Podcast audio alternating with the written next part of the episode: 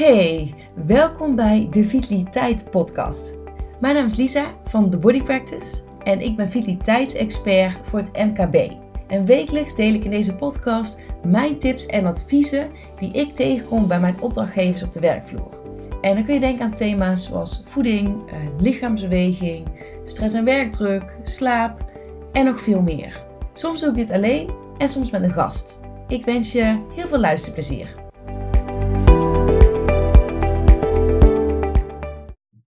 Hey, welkom uh, allemaal weer. Ik heb vandaag Marjolein Snieder van Core Crafters uh, te gast in de Vitaliteit podcast. Marjolein, uh, welkom. Leuk dat je er bent.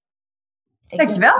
Ik vind het ook heel leuk dat je er bent, want ik ben echt mega nieuwsgierig naar ons gesprek vandaag. maar voordat we de diepte induiken en ik jou allerlei vragen ga stellen, zou jij jezelf even kort willen voorstellen? Dus hè, wie ben je, wat doe je en waar staat Core Crafters voor? Ja, tuurlijk. Leuke vraag. Nou, ik ben dus Marjolein Snieder. Uh, mijn achtergrond zit in de organisatiepsychologie. Ik had altijd een fascinatie voor, voor mensen. Wat drijft ze? Wat motiveert ze? Dus vandaar dat ik de psychologie in ben gedoken. Um, ik ben diversiteit- en inclusieadviseur, trainer en teamcoach. Dus ik help organisaties die deze transitie willen maken. Want het is een, een ontzettend groot en belangrijk onderwerp waar we vandaag natuurlijk nog verder de diepte in zullen gaan. En hier hebben organisaties echt wel begeleiding in nodig om deze stappen te maken. Want het is uh, helaas niet een, een onderwerpje waar je even een workshopje over gooit en het is daarna weer klaar. Het is echt een, uh, een marathon, geen sprint. Dus daar uh, kunnen organisaties soms wel eens hulp bij gebruiken en dan kom ik ingevlogen. Nou, waar staat Corecrafters voor? Ik ben daar ongeveer een kleine twee jaar geleden mee begonnen. En Corecrafters staat letterlijk vertaald eigenlijk voor werken aan je kern. En mhm. de kern van elke organisatie zijn je mensen.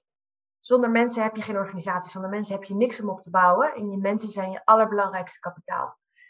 Dus Corecrafters staat eigenlijk voor het actief aan de slag gaan met de mensen in je organisatie, waarbij ieder mens daarin met zijn of haar eigen kern aan de slag gaat. Om te zorgen dat ze daar bewuster worden van hun onbewuste vooroordelen, uh, van hun eigen diversiteit, hoe dat uh, van invloed is op de samenwerking. En dus zo zorgen dat ze hier alles uit kunnen halen wat erin zit. Dat ze op een prettige manier kunnen samenwerken en zich gezien en gehoord voelen. En dat ieders kwaliteiten zo optimaal worden benut. Wauw, wat tof. Ik, um, ik hoor je al een paar dingen zeggen. Denk, oh, dat vind ik zo interessant. Ook wat je zegt over het is geen sprint, maar een marathon. Vind ik, iets, vind ik een hele mooie uitspraak. En, uh, en ja, ik ben natuurlijk volledig met jou eens dat je personeel natuurlijk je uh, belangrijkste kapitaal is. En goed, jij vliegt dat dan in vanuit diversiteit en inclusie. Ik natuurlijk weer op een ander gebied, uh, waar ook natuurlijk met, met waar natuurlijk dat overlap in ligt. Maar thanks voor deze mooie introductie. Ik denk dat um, voor iedereen nu ook al duidelijk is ja, waar jij nu echt uh, waar jij je mee bezighoudt en wat jouw waarde is ook voor een bedrijf. Ja, laat ik dan kort voordat we echt de vragen induiken, nog even wat vertellen over het thema. Jij hebt het natuurlijk zelf net al even benoemd. We gaan dus hebben over diversiteit en inclusie. En dit zijn eigenlijk thema's die ja, in onze samenleving anno 2022 denk ik ook echt wel ja, heel erg belangrijk zijn en aandacht verdienen. Omdat daar de, ja, het, verschil wordt steeds groter. Of in ieder geval wordt steeds duidelijker dat we daar gewoon echt wel aandacht aan mogen besteden. Nou vraag jij als luisteraar wellicht af, goh, wat is daarbij de link naar met vitaliteit en gezondheid? Die is er zeker en die gaat uh, ook zeker wel duidelijk worden nou goed, ik vind het gewoon heel belangrijk om ook aan dit thema um, aandacht te besteden. En ik ben ook heel blij dat Marjolein op mijn pad is gekomen, dat we daarover samen in gesprek kunnen gaan. Dus ik zou zeggen, laten we gewoon lekker de diepte induiken. Eigenlijk is denk ik de eerste vraag wel belangrijk. Ja, wat houdt nou eigenlijk diversiteit en inclusie in? Ja, hele goede vraag. En ook vaak als ik in organisaties kom, is dit het eerste waar je mee begint. Want je kan aan tien verschillende mensen vragen: wat denk jij dat dit betekent? En ze geven je allemaal een ander antwoord. Ja. dus goed om hiermee te starten. Diversiteit betekent eigenlijk de zichtbare en onzichtbare verschillen tussen mensen. Dus de vergelijking wordt vaak gemaakt met de ijsrots. Je kent het misschien wel. Dus een deel is boven water en een deel zit onder water. Nou ja, zo kan je uh, ieders deelidentiteit eigenlijk ook zien. Dus wat mhm. er boven water zit, dat zijn eigenlijk je zichtbare verschillen. Dus denk bijvoorbeeld aan je huidskleur, denk aan je gender, bijvoorbeeld aan je leeftijd. En onder de waterlijn, daar zitten al je onzichtbare verschillen in. Dus dat kan bijvoorbeeld seksualiteit zijn, maar ook je normen en waarden, levenservaring, je opleiding. Dus elk mens is een combinatie van al deze verschillen. Mhm. Alleen wat er helaas gebeurt, is dat sommige verschillen anders worden gewaardeerd dan andere verschillen. En dat sommige verschillen een positieve associatie oproepen en sommige verschillen een negatieve associatie oproepen. En daarom hebben we het vaak in de diversiteit- en inclusiecontext over bepaalde betekenisvolle verschillen die leiden tot een ongelijke behandeling. Dus dat is een stukje diversiteit, zichtbare en onzichtbare verschillen. Nou, ga je naar het stukje inclusie, uh, dat is een ander stukje. Dat is eigenlijk hoe wordt er met die verschillen omgegaan. Dus inclusie bestaat uit twee menselijke behoeftes. De eerste is dat je erbij wil horen. Dat zou je ook wel merken. Je wil, je wil als je bij een groep bent, wil je het gevoel hebben dat je erbij hoort. Dat ze je mogen, dat ze je uitnodigen voor, voor wat er dan ook komt. Ja. Dus dat is de eerste. En de tweede is dat je helemaal jezelf wil zijn. Je wil je unieke zelf kunnen zijn. Je wil gewaardeerd en gezien worden voor wie je echt bent in al je facetten. Niet dat je je aan hoeft te passen op kantoor, dat je bepaalde delen van jezelf geheim moet houden. Dat is niet wat je wil, want dan kan je dus niet helemaal jezelf zijn. Dus je hoort, misschien ken je wel. Als mensen dan zeggen, ja, ik zie geen kleur of ik zie geen uh, gender, dan zeg je eigenlijk, nee, ik zie niet jouw volledige zelf. Want ik doe mijn ogen dicht voor een klein stukje van jouzelf. En daarmee erken je dus ook niet wat een invloed dat kan hebben op iemands leven. Dus dat is eigenlijk diversiteit en inclusie. Misschien nog één laatste om hier aan te koppelen is gelijkwaardigheid. Want mhm. gelijkwaardigheid is een heel belangrijk onderdeel hiervan. Gelijkwaardigheid betekent namelijk dat iedereen niet hetzelfde is, maar wel hetzelfde waard is en dezelfde rechten zou moeten krijgen. Dus wat je vaak ziet is dat de onderlinge verschillen ook zorgen voor verschillen in macht. Dat hetzelfde lichaam die iets deelt, eh, beter wordt geloofd, meer wordt geloofd dan iemand die in een ander lichaam zit. Daar wordt de kennis minder van aangenomen. En dit wordt ook allemaal heel mooi beschreven in daarom uh, het begin waar ik het ook over had. Het is een uh, marathon, geen sprint. Zeker ook een referentie naar het boek De Inclusiemarathon. Want daarin wordt dit heel duidelijk beschreven. Ja, dat is echt een hele goede boekentip. Die zou ik er zeker bij zetten. um, dat is echt een fantastisch boek. Ja, de schrijvers van het boek De Inclusiemarathon zijn Kautar Boegalicht en Zoe Papaikonomou. Ik ga dit boek uh, ga ik wel even ook in de, in de uh, show notes zetten met een linkje. Ik denk op bob.com waarschijnlijk wel te vinden. Hè? Absoluut, ja. En het is echt een aanrader voor iedereen die zich verder wil verdiepen in dit, in dit onderwerp. Want daardoor krijg je echt handvatten in en wat betekent het precies. Maar ook wat kan ik ermee doen vanuit organisatieperspectief, leidinggevende perspectief, um, ehm, HR-perspectief en diversiteit en inclusie adviseurperspectief. Dus zeker een aanrader. Mega goede tip al, dankjewel. Een heel groot verhaal al, maar ik denk ook wel dat het heel duidelijk wordt van oké, waar zit nou het verschil? Of wat is nou diversiteit en inclusie? En als ik het ook goed begrijp, is uh, volgt inclusie ook uit, uh, vanuit eigenlijk diversiteit. Kan ik dat een beetje ophalen uit jouw verhaal of maak, trek dan een verkeerde conclusie?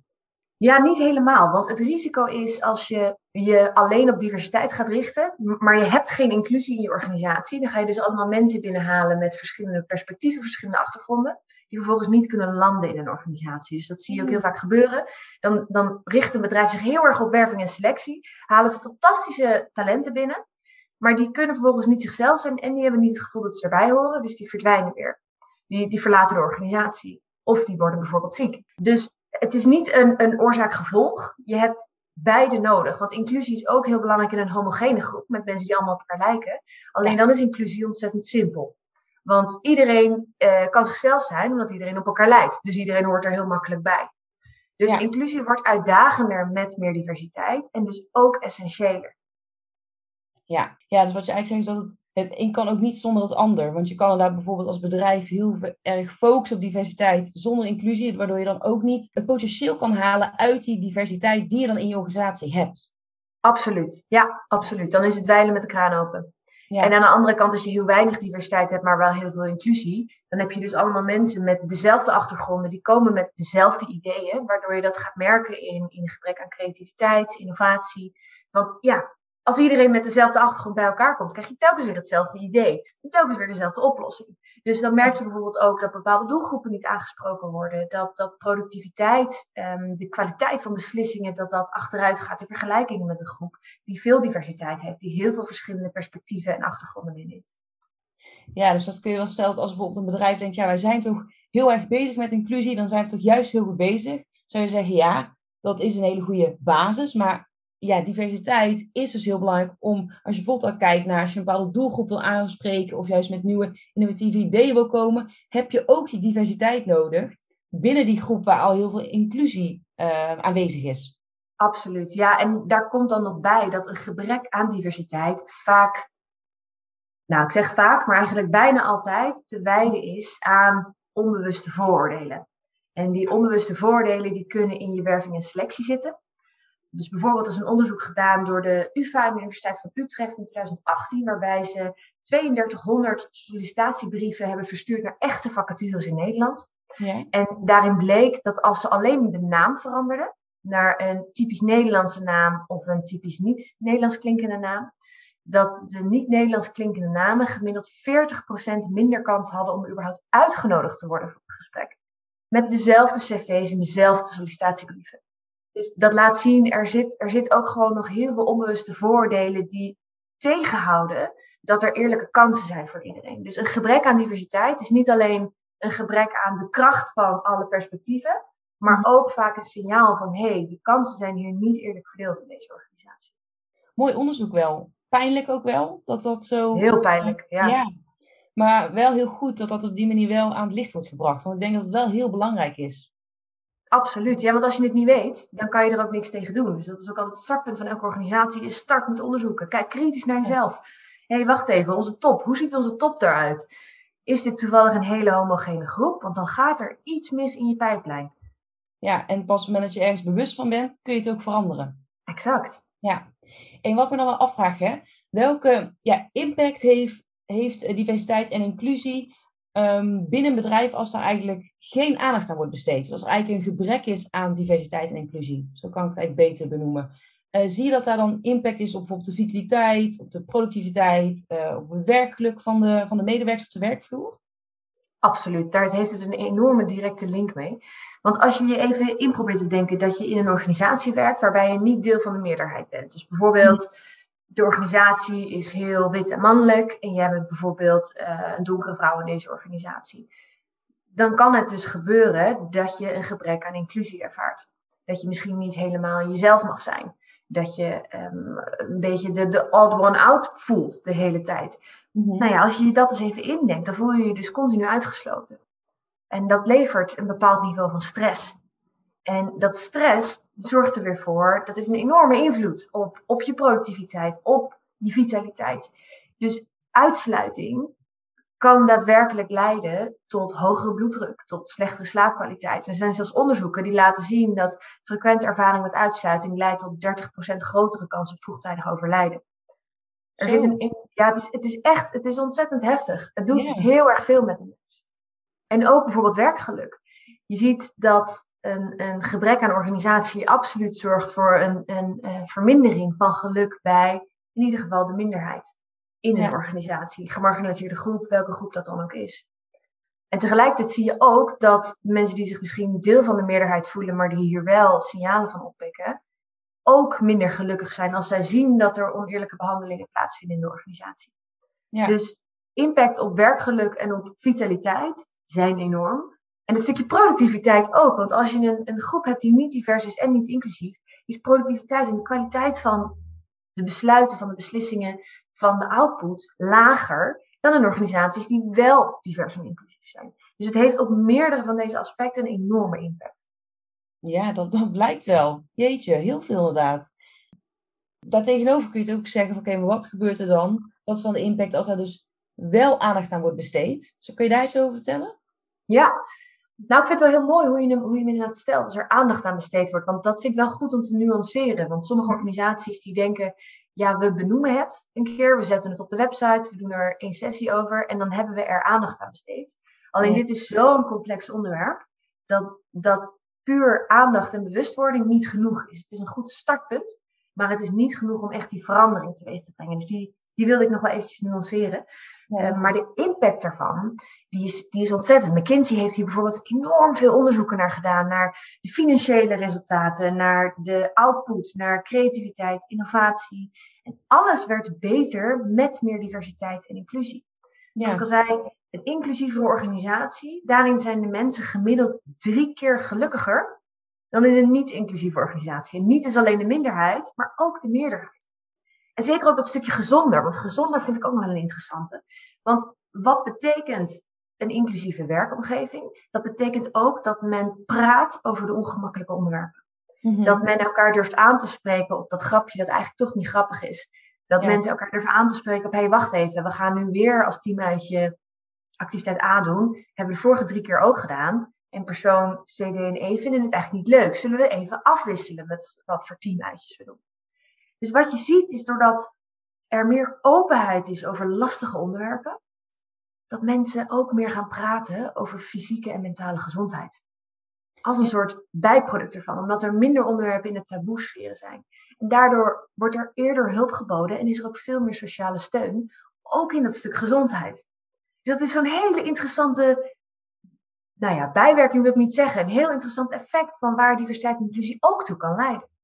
Ja, wat misschien niet, ineens, niet de um, initiële pijler is om daar iets mee te doen. Maar het is wel een gevolg van als je ook aan, als je zeg maar aandacht geeft aan diversiteit, en inclusie en niet alleen aandacht geeft, maar ook echt er iets mee doet, zal dat ook veranderen. Omdat natuurlijk, ja, als één um, onderdeel beter bespreekbaar wordt of makkelijker bespreekbaar wordt, dan gaan mensen ook andere dingen dus beter delen en ja, daarmee open over communiceren met elkaar. Exact, want mensen voelen zich gewoon prettiger. Ze voelen zich prettiger, ze kunnen eerlijker tegen elkaar zijn. Want de moeilijke onderwerpen worden al met elkaar besproken. Want inclusie is dus niet een happy fluffy feestje waarin iedereen lachend en, en huppelend door, door de gangen van de organisatie rent. Maar het is juist heel hard werken en het is elkaar scherp houden en elkaar aanspreken en continu het gesprek houden van hé, hey, wacht even. Zit er een aanname in hoe we dit aanpakken? Moeten we dit misschien herevalueren? Moeten we dit anders inrichten om te zorgen dat iedereen zich er prettig in voelt en iedereen erin een gelijke kans krijgt. Ja. En daarin kan het dus een ontzettende impact hebben. Ja, mega. Maar ik kan me wel voorstellen dat als je dit. Kijk, het, is, het staat buiten kijf dat, dat het natuurlijk onwijs goed is voor de organisatie en iedereen die er rondloopt om hiermee aan de slag te gaan. Maar ik kan me ook voorstellen dat het wel als iets heel groots voelt, waardoor wellicht bedrijven het uitstellen, want ze denken, ja, er zijn uh, zaken van de alle dag krijg je nu aandacht, want dat is iets wat waar we meer impact op hebben wellicht. Of wat um, ja, nu even belangrijker is, zeg ik tussen aanhalingstekens. Terwijl diversiteit en inclusie onwijs belangrijk is. Maar het is wel een hele grote kluif waar je aan gaat beginnen. En je kan niet een bepaalde weg inslaan. Als je eenmaal instaat, dan moet je ook all the way gaan. Dus... Ja, ja, want anders krijg je ook mensen in je organisatie die zeggen: Ja, hallo, je doet het voor de bühne. Ja. Dat kan ik niet serieus nemen. Dus absoluut, als je ervoor gaat, dan moet je er goed voor gaan. Ik kan me voorstellen als je nu aan het luisteren bent en je denkt: Ja, er zijn onwijs veel voordelen en het is heel belangrijk om mee aan de slag te gaan. Maar waar begin ik in hemelsnaam om, uh, ja, om het een beetje behapbaar te maken? Heb je daar uh, tips en adviezen voor? Of heb je zoiets van, nou, begin vooral daar? Of hoe, hoe zou je dat kunnen aanpakken? Ja, hele goede vraag. Wat is dus eigenlijk het, het startpunt van mm, diversiteit en inclusie? Mijn allereerste advies is: ga jezelf hierin verdiepen. Dus dat boek wat ik net noemde, de Inclusiemarathon, is absoluut een heel goed startpunt om je er verder in te verdiepen. Er zijn ontzettend veel waardevolle boeken hiervan. Ik kan je later kan ik ook nog wel wat andere boekentips hierover delen. Dus start met je verdiepen in het onderwerp. Dat is eigenlijk nummer één. Mhm. Nummer twee is start met een intern onderzoekje. Ja. Ga praten met je medewerkers. Echt praten in één op één gesprekken juist met de medewerkers die wat meer in de meerderheid zitten en medewerkers die wat meer uit gemarginaliseerde groepen komen. En ga echt uitvragen, voel jij je hier thuis in de organisatie? Vind jij dat we een inclusieve organisatie zijn? Heb jij rolmodellen? Heb jij het gevoel dat jij door kan stromen? Zie jij mensen waarmee jij herkenning vindt? Dat je denkt, hé, hey, ik kan hier ook carrière maken. Of mis jij die rolmodellen, waardoor je het gevoel krijgt van voor mij is hier eigenlijk geen plaats? Ja. Ervaar je uitsluiting? Wat doet dat met je? Dus ga intern onderzoeken. Je kan ook bijvoorbeeld, zeker vanuit HR-perspectief, kijken naar salarissen. Zie jij een structureel verschil tussen het salaris van mannen en van vrouwen die dezelfde functie hebben en grofweg hetzelfde aantal jaren werkervaring? Dat zijn allemaal signalen dat je weet, hé hey, wacht even, hier is werk aan de winkel. Kijk even kritisch naar je toplagen. Is dat, zit daar voldoende diversiteit als je het vergelijkt met de rest van de organisatie? Ja. Of zie je dat dat toch een hele homogene groep is? Dus dat is eigenlijk het startpunt. Ga onderzoeken. Het tweede stuk daarna is schakel een expert hierin in. Want precies zoals je zegt, dit is een hele grote kluif. Een grote klus en een heel belangrijk onderwerp. Dus expertise en begeleiding hierin is ontzettend belangrijk. Dus schroom vooral niet om daar iemand in te connecten, een gesprek over aan te gaan en te kijken van joh, waar staan wij precies en wat hebben wij nu nodig? Ja. Dus dat zou ik eigenlijk vooral meegeven. Dus start met jezelf verdiepen, intern onderzoek doen en daarna toch kijken of je expertise hierover kan inschakelen. Ja, ja wat, jou, wat ik heel mooi vind wat je zegt is, um, als je hiermee start, start dan ook even bij jezelf. Dus ga inderdaad zorgen dat jij zelf wat je, je kennis verbreedt over het onderwerp. Zodat je ook waarschijnlijk ja, beter beslagen te ijs kan komen op het moment dat jij dan uh, bijvoorbeeld gesprekken aangaat met, jou, met jouw team. Want jij, ja, je moet zelf natuurlijk ook eerst wat, wat kennis van hebben. Of je kan gelijk het inderdaad uitbesteden. Maar wat me dan wel gelijk best wel een uitdaging lijkt. Kijk, stel je voor dat dit, dat dit nog nooit een onderwerp is geweest wat is besproken. En je gaat dan uh, out of the blue, tussen aanhalingstekens, een gesprek aan met, met medewerkers. En je gaat ineens best wel ja, kwetsbare vragen stellen. Van, goh, voel jij je onderdeel van het bedrijf? Of heb jij bijvoorbeeld een rolmodel, de voorbeelden die je net gaf? In hoeverre denk je dat de, de input die je daar krijgt dan ook betrouwbaar is voor hoe, het, wat, hoe, hoe mensen zich echt voelen? Want het lijkt me, het lijkt me gewoon iets heel kwetsbaars en dat wellicht niet iedereen gelijk het achtste van zijn tong laat zien om, ja, misschien dat ze bang zijn, god, wat, wat gebeurt er misschien met mijn functie als ik echt vertel hoe ik me voel? Of snap je een beetje waar ik naartoe wil? Zeker, ja. En ik denk dat je een ontzettend belangrijk punt aanstipt. Want inderdaad, een hele belangrijke voorwaarde voor deze gesprekken is wel dat er een bepaalde mate van psychologische veiligheid is. Ja. En dat je dus, als je dit vanuit HR-professional context doet, dat je hierin echt eerlijk bent in je intenties en echt eerlijk bent in wat ga jij doen met de informatie die je krijgt. Mhm. Daarin is het natuurlijk heel belangrijk, bijvoorbeeld, dat je aangeeft, joh, ik vraag dit anoniem. Ik zal dit niet op basis van jouw persoonlijke naam delen. Maar ik probeer uit te zoeken waar wij staan in onze organisatie. Of dit iets is wat bij ons speelt en zo ja, in welke vorm. En ik weet nog niet exact hoe we dit gaan aanpakken, maar ik wil dit gaan aanpakken. Dus ik ben eigenlijk een soort thermometer in de organisatie aan het zetten van, joh, waar staan we nu? Als mensen zich hier niet in veilig voelen om dit te delen, dan ga je hier dus ook niet de juiste informatie uithalen. Dus een voorwaarde is inderdaad dat je nagaat, is er psychologische veiligheid in mijn organisatie? Dat mensen hierin het eerlijke verhaal gaan delen als ik in een één op één sessie met ze in gesprek ga. Ja. En een tweede alternatief hiervoor is, is dit kan je dus ook door een externe expert laten doen. Dat is vaak wanneer je met een externe expert aan de slag gaat, ook een van de startpunten is dat zij een wat uitgebreider intern onderzoek gaan doen. Dus dat kan je als je je daar niet helemaal prettig bij voelt, ook door iemand anders doen die hier veel ervaring in heeft. Maar het kan wel goed zijn als eerste indicaties van hé, hey, waar staat mijn organisatie? Is dit een onderwerp wat echt urgent is? Want dat, dat vergeten we soms ook wel eens. Want ik denk een van de grootste uitdagingen waar organisaties nu zich aanlopen, is het aantrekken en behouden van medewerkers. Met die enorm krimpende arbeidsmarkt, er zijn gewoon heel weinig talenten beschikbaar. En de talenten die er zijn, die wil je ook proberen vast te houden. Als je niet met diversiteit en inclusie aan de gang gaat, dan ga je een enorm probleem hebben bij het aantrekken van alle talenten. Want dan sluit je dus onbewust bij voorbaat al ontzettend veel groepen uit. Dus daarin is het een essentieel stukje. Maar ook in het behoud van je personeel. Want als je vervolgens dus die supergoed kwalitatieve mensen aanneemt.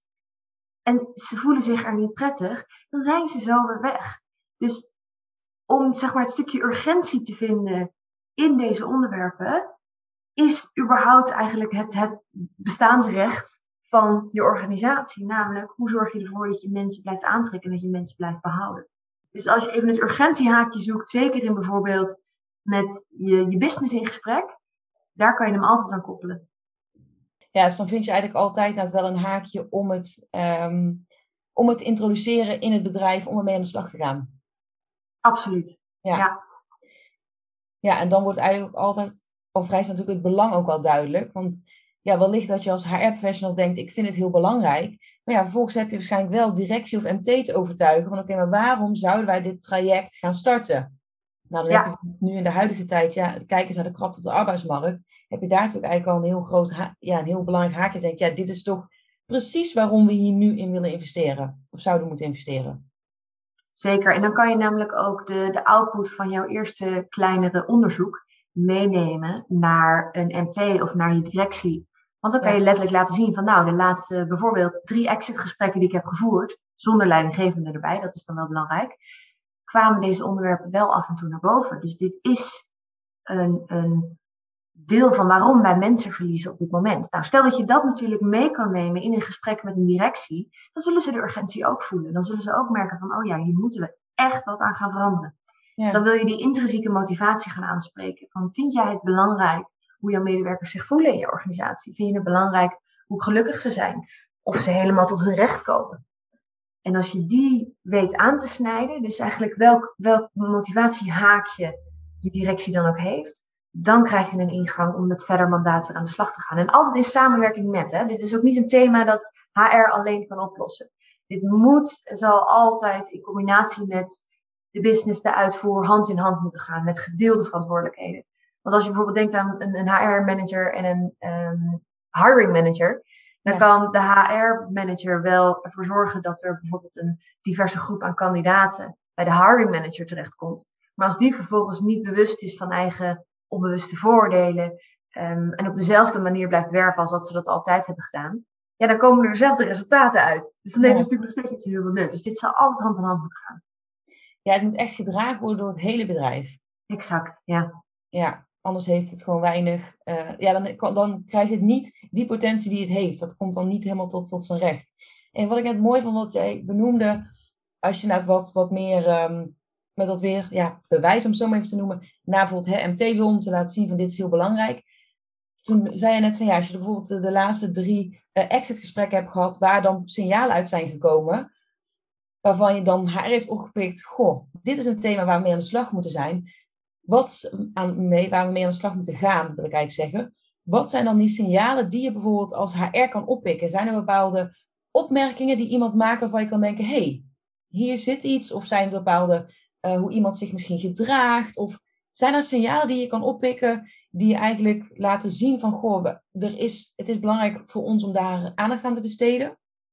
Ja, zeker. Ja, ik zit eventjes na te denken, want de signalen kunnen heel erg variëren afhankelijk van wat er precies speelt in jouw organisatie. Dus waar je bijvoorbeeld op kan letten, is welke grapjes worden gemaakt. Zijn dit grapjes die ten koste gaan van gemarginaliseerde groepen of niet? Zie je dat iedereen lacht? Of zie je ook een paar mensen een beetje wegtrekken? Wat zie je gebeuren qua body language? Wat voor teamuitjes worden er georganiseerd? En zijn er altijd wat mensen afwezig op die teamuitjes? En als je dan met ze in gesprek gaat, waar, waarom precies? Wat, wat is er aan de hand? Dus dat zijn de subtielere signalen waar je naar kan kijken. Ja. Denk bijvoorbeeld ook aan teammeetings. Wie hebben het hoogste woord in de teammeetings? Zijn dat toevallig ook dan de rechterhand van de manager? Is dat mhm. ook iemand die hetzelfde profiel is en heel erg lijkt op de manager? En hoe wordt er omgegaan met iemand die dan een ander perspectief inbrengt, die het er niet mee eens is? Wordt dat vooral als lastig ervaren of wordt dat ook gewaardeerd? Wordt het gewaardeerd dat iemand een andere mening heeft en met een ander perspectief komt? Dat zijn de subtielere interpersoonlijke signalen waar je naar kan kijken. En de wat grotere signalen is werving en selectie bijvoorbeeld. Wie wordt er uitgenodigd op het gesprek? En wie daarvan wordt aangenomen? Is dat toevallig keer op keer iemand die eigenlijk wel heel erg lijkt op de manager? Dus dan heb je het onbewuste voordeel, die heet affinity bias. Dat mensen die heel erg op jou lijken, dat je die eigenlijk onbewust al aardiger vindt. Dus daar heb je meer een klik mee. Die vind je slimmer, want ze lijken op jezelf. En die vind je ook capabeler, want ja, ze hebben vast jouw vaardigheden, dus die kunnen ook meer. het is ontzettend grappig inderdaad. Maar het, is, het, het heeft dit trieste gevolgen helaas, want het zorgt er namelijk voor dat degene die de beslissing maakt om iemand aan te nemen, onbewust telkens een beetje een kopietje van zichzelf inhuurt. En als je natuurlijk een, een nou ja, een redelijk dominante groep mensen hebt in management die allemaal een beetje op elkaar lijken, krijg je dus allemaal dezelfde types die dan aangenomen worden en vervolgens ook die gepromoveerd worden. Ja. Dus dat zijn de wat meer grotere thema's waar je naar kan kijken. Van hey, wie krijgen nou telkens die promotie? Zijn dat eigenlijk een beetje kopietjes van wie er nu zitten? Dan weet je, hier, hier is iets gaande. Ja. En wie worden er aangenomen? Ja, als ik even mag samenvatten, je hebt dus de subtielere uh, signalen, zoals bijvoorbeeld kijken naar welk, wat voor grapjes worden gemaakt en met name hoe wordt er gereageerd door hè, degene die aanwezig zijn op die grapjes en bijvoorbeeld teamuitjes. Je kan naar de interpersoonlijke signalen kijken. En als grote thema bijvoorbeeld werving en selectie. En doorstroming, die is En ook ontzettend belangrijk. En terwijl jij dit net aan het vertellen was, ehm, was ik ook even aan het nadenken. Ik was van het luisteren, maar ik zat ook even na te denken dat dit natuurlijk ook weer heel erg weer teruggrijpt naar wat jij eerder benoemde over zorg dat je zelf wat meer kennis opdoet over dit thema. Want ik kan me voorstellen, op het moment dat je daar zelf meer over gaat lezen, zul je wellicht ook eerder signalen gaan herkennen.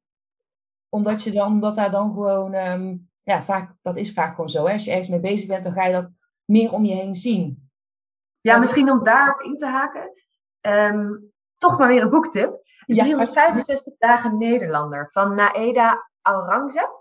Ja, En zij heeft een boek geschreven. Zij eh, is, is Nederlandse met ehm, Pakistaanse achtergrond. Mhm. En zij heeft alle microagressies, dus de kleine pijnlijke opmerkingen die iemand kan ervaren, heeft zij opgeschreven. Wat zij gewoon echt meemaakt op dagelijkse dag. Dus bijvoorbeeld heeft ze een voorbeeld dat ze bij een bloemenwinkel is in Amsterdam. En dat de verkoper naar haar toe komt en zegt: Ja, we verkopen hier geen goedkope bloemen hoor. Dat ze zegt: Oh, ehm, oké. Nou, gewoon even dat je het weet. En elke bladzijde staat één zo'n situatie. En alleen al dit lezen helpt je enorm. Het is ontzettend pijnlijk om te lezen, maar het helpt je enorm om bewuster te worden van al die kleine opmerkingjes. Waarvan je als je er eentje hoort, bij wijze van spreken nog je schouders ophaalt van joh, eh toughen up. Mhm. Maar als je die dan inleeft en denkt, oké, als ik dit dus één of twee of drie keer per dag zou horen in al die verschillende contexten, op werk, op straat, in mijn privéleven, wat een enorme invloed dat heeft op je welzijn, wat een enorme invloed dat heeft op je stressniveau, op je zelfbeeld. Dus dat kan ik ook enorm aanraden om je bewuster te worden van juist die kleine opmerkingen. Ja, want wellicht zit het natuurlijk niet allemaal hoor, maar het zit ook heel vaak in die hele kleine dingen tussendoor. Die je wellicht als je van, de, als je van die grotere groep eh, deel uitmaakt, die vallen je wellicht niet eens op. Terwijl ga maar eens on the receiving end staan, hoe pijnlijk dat is. En zeker als je dat, dat dus meerdere keren per dag, elke dag weer eh, meemaakt. Ja, jeetje. Ik, ik, eigenlijk is dat ook goed zeg, want dat, als ik het goed begrijp, bestaat dat boek dus uit elke dag 365 ja, dagen dan. Dat el- dat elk, op elke pagina zo'n opmerking staat die je dan dus elke dag, ja precies, naar je hoofd Exact, ja. krijgt. Ja. Nou, ik denk alleen al zonder dat daar heel veel extra tekst en uitleg bij komt, dat dat al heel veel invloed heeft. Want toen, toen jij net die opmerking voorlas, merkte ik al, ik dacht, oeh, een beetje zo'n cringe van, oh, wat, wat, wat heftig eigenlijk wat iemand daar zegt. Ehm, en ga dat maar eens 365 keer lezen. Ja, dat heeft natuurlijk al, dan ga je natuurlijk waarschijnlijk wel je ogen open voor dat soort opmerkingen, bijvoorbeeld ook op de werkvloer. Absoluut. En je gaat er ook bewuster van zijn met wat je eigenlijk zelf meemaakt. Dus om een klein voorbeeldje te geven.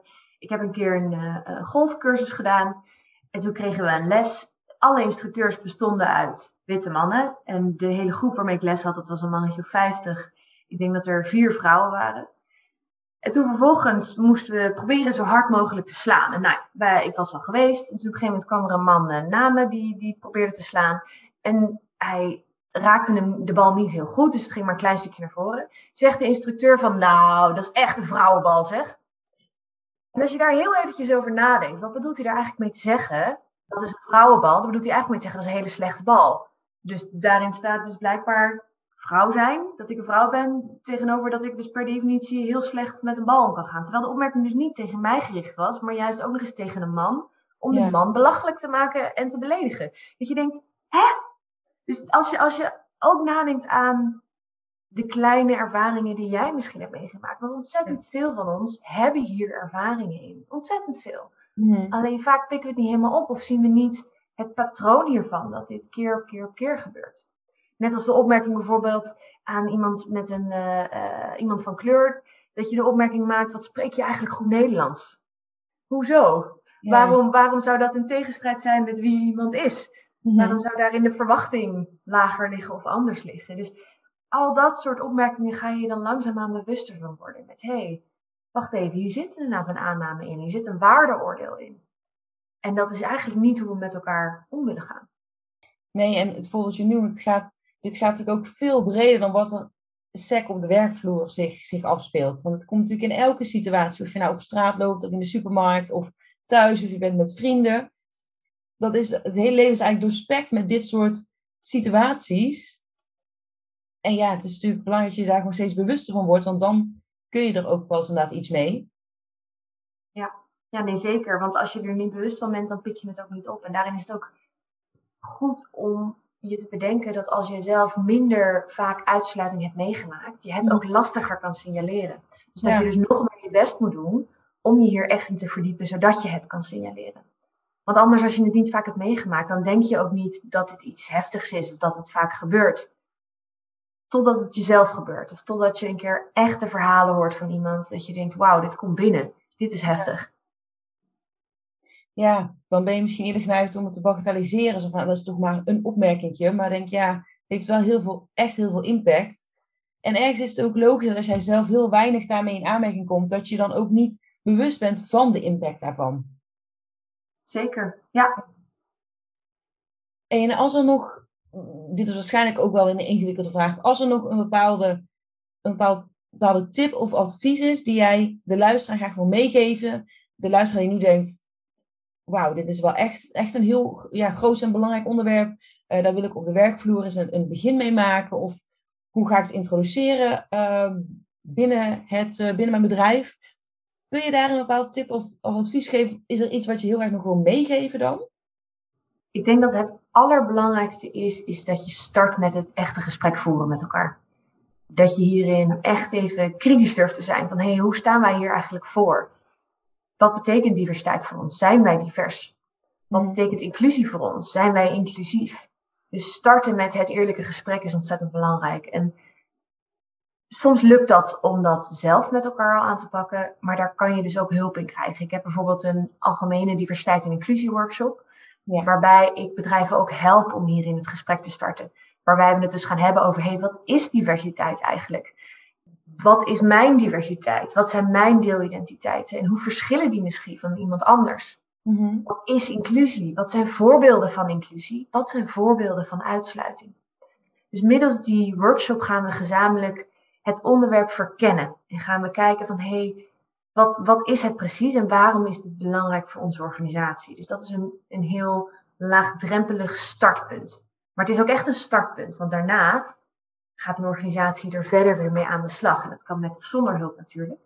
Ja. Maar het voeren van deze gesprekken, het echt op tafel leggen van hé, hey, ik merk ook dat er af en toe grapjes worden gemaakt die niet voor iedereen leuk zijn. Of ik zie dat er weer zo'n persoon een promotie heeft gekregen en persoon A, B en C weer zijn overgeslagen. Dat is denk ik mijn belangrijkste tip. En ook niet de makkelijkste tip, want het is nog steeds, het vergt een stukje moed het vergt een stukje durven opstaan en durven bevragen met hey, hoe we het nu doen, is dat eigenlijk wel de juiste manier? Is dat eigenlijk wel eerlijk voor iedereen? Of vooral eerlijk voor de groep die hier vooral in de hogere functie zit? Ja. Dat is eigenlijk mijn grootste tip. Probeer de moed te vinden om echt het gesprek aan te gaan. Ja, ik denk dat dat wel echt een onwijs mooi is. Want uh, ik kan me voorstellen dat zo'n onderwerp best wel overweldigend voelt. En wat het vrij groot is. En wat jij ook aangeeft, het is, geen, uh, het is een marathon en geen sprint. Dus weet dat als je er eenmaal start, ja, dan is er wel heel veel nodig. Maar ik denk dat dit wel een hele mooie uh, laatste advies is. En een mooie afsluiter ook. tenzij jij nog iets hebt van ik wil als laatste nog iets, iets meegeven aan de luisteraar. Goed, dat was net natuurlijk wel dit advies. Maar wellicht dat je nu iets hebt van, oh, er schiet me nog iets te binnen. Misschien nog een boekentip, kan natuurlijk ook. Ja, ik zit eventjes na te denken.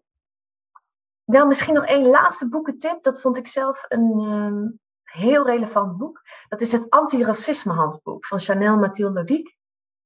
Want huidskleur en racisme vinden we vaak een extra beladen onderwerp. Vooral mhm. als je dat natuurlijk ook in de context neemt van het koloniale verleden heeft dat heel diepe invloeden, ook nog in onze huidige samenleving. En het antiracisme handboek schrijft daar op een hele open en toegankelijke manier over met hele concrete tips. Ja. Waarbij ik denk iedereen die het leest denkt, oh ja, dit doe ik af en toe ook en dit is niet handig, dit moet ik niet doen. ook ik, ik heb dit boek ook gelezen en ik dacht, ja, hier is ontzettend veel van waar ik ook in trap. Systemen waar ik en denkbeelden waar ik ook mee ben opgegroeid. En dus ook handvatten met hoe ik dat kan aanpassen. Mhm. Dus dat is misschien mijn laatste boekentip die ik nog mee wil geven. Dus het antiracisme handboek van Chanel Mathilde Diek. Ja. Dat is denk ik een hele belangrijke. En misschien dan als allerlaatste is ja, het voelt misschien groot, het voelt misschien heftig, maar het is het juiste om te doen, om hiermee aan de slag te gaan. Dus voor iedereen die misschien twijfelt van, oh, ik heb al zoveel, ik weet het niet. Ja, het is misschien pittig, maar het is echt het juiste voor iedereen in je organisatie. Vind ik een hele mooie. Vind ik echt een hele mooie. En nog even terugkomen op de, je hebt drie boeken benoemd in deze podcastaflevering. Die ga ik alle drie even in de show notes zetten. Dus voor de luisteraar, je hebt niet hoeven meeschrijven per se. Misschien heb je het wel gedaan. maar weet dat ze ook gewoon nog in de, in de show notes staan. En Marjolein, ik wil jou onwijs bedanken voor dit inspirerende uh, gesprek. Uh, ik, vond echt, ik heb echt met open mond af en aan staan luisteren hoe ja, goed je erover kon vertellen en hoe helder ook. Waar kunnen, kan de luisteraar jou vinden op het moment dat ze contact met je willen zoeken? Plug jezelf even volledig. Waar kunnen ze met je in contact komen? Ja, nee, eerst jij ook ontzettend bedankt. Want ik vond het echt heel erg leuk om hier een gesprek over te voeren. En zeker ook de link met vitaliteit en werkgeluk. Nou, mocht je nou op basis hiervan denken, ik wil een keertje sparren, ik wil je een keer over hebben van hoe ik dit nou kan aanzwengelen in mijn organisatie, of ik wil er wat meer hulp bij, want we hebben al een stevig diversiteit en inclusiebeleid, maar ik merk vooral op het stukje inclusie dat we hulp willen. Dan kan je me altijd via LinkedIn benaderen. Dus Marjolein Snieder uh, kan je gewoon zoeken. Dan kan je me altijd een berichtje sturen. Uh, connecties vind ik sowieso heel erg leuk.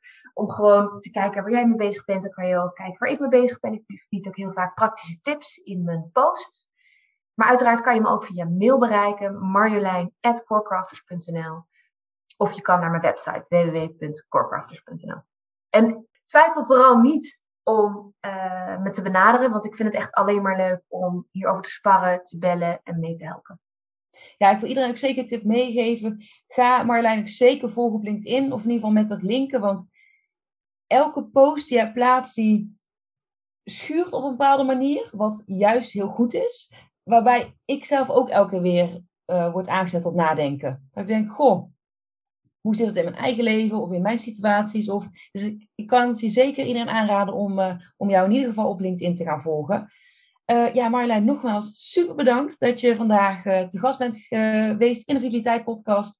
Ik hoop dat ik je ook nog een keer ga spreken en dat we je nog geen vol gaan kunnen geven. En ehm, ja, dat was hij dan. Hopelijk tot de volgende keer. Zou ik ontzettend leuk vinden, Lisa. Dankjewel. En dat was hij weer voor vandaag. Ik wil je onwijs bedanken voor het luisteren naar deze podcastaflevering van de Vitaliteit Podcast. Ik hoop dat hij ook vandaag weer onwijs waardevol voor je is geweest. En voel je je zeker vrij om deze aflevering te delen in jouw netwerk. Mocht je iemand in je netwerk hebben die hier ook profijt van kan hebben, dan wordt dat uh, zeer gewaardeerd. En ik zou het ook onwijs leuk vinden als jij een beoordeling achterlaat op Spotify of op Apple Podcast. Vind ik alleen maar heel erg leuk om te zien.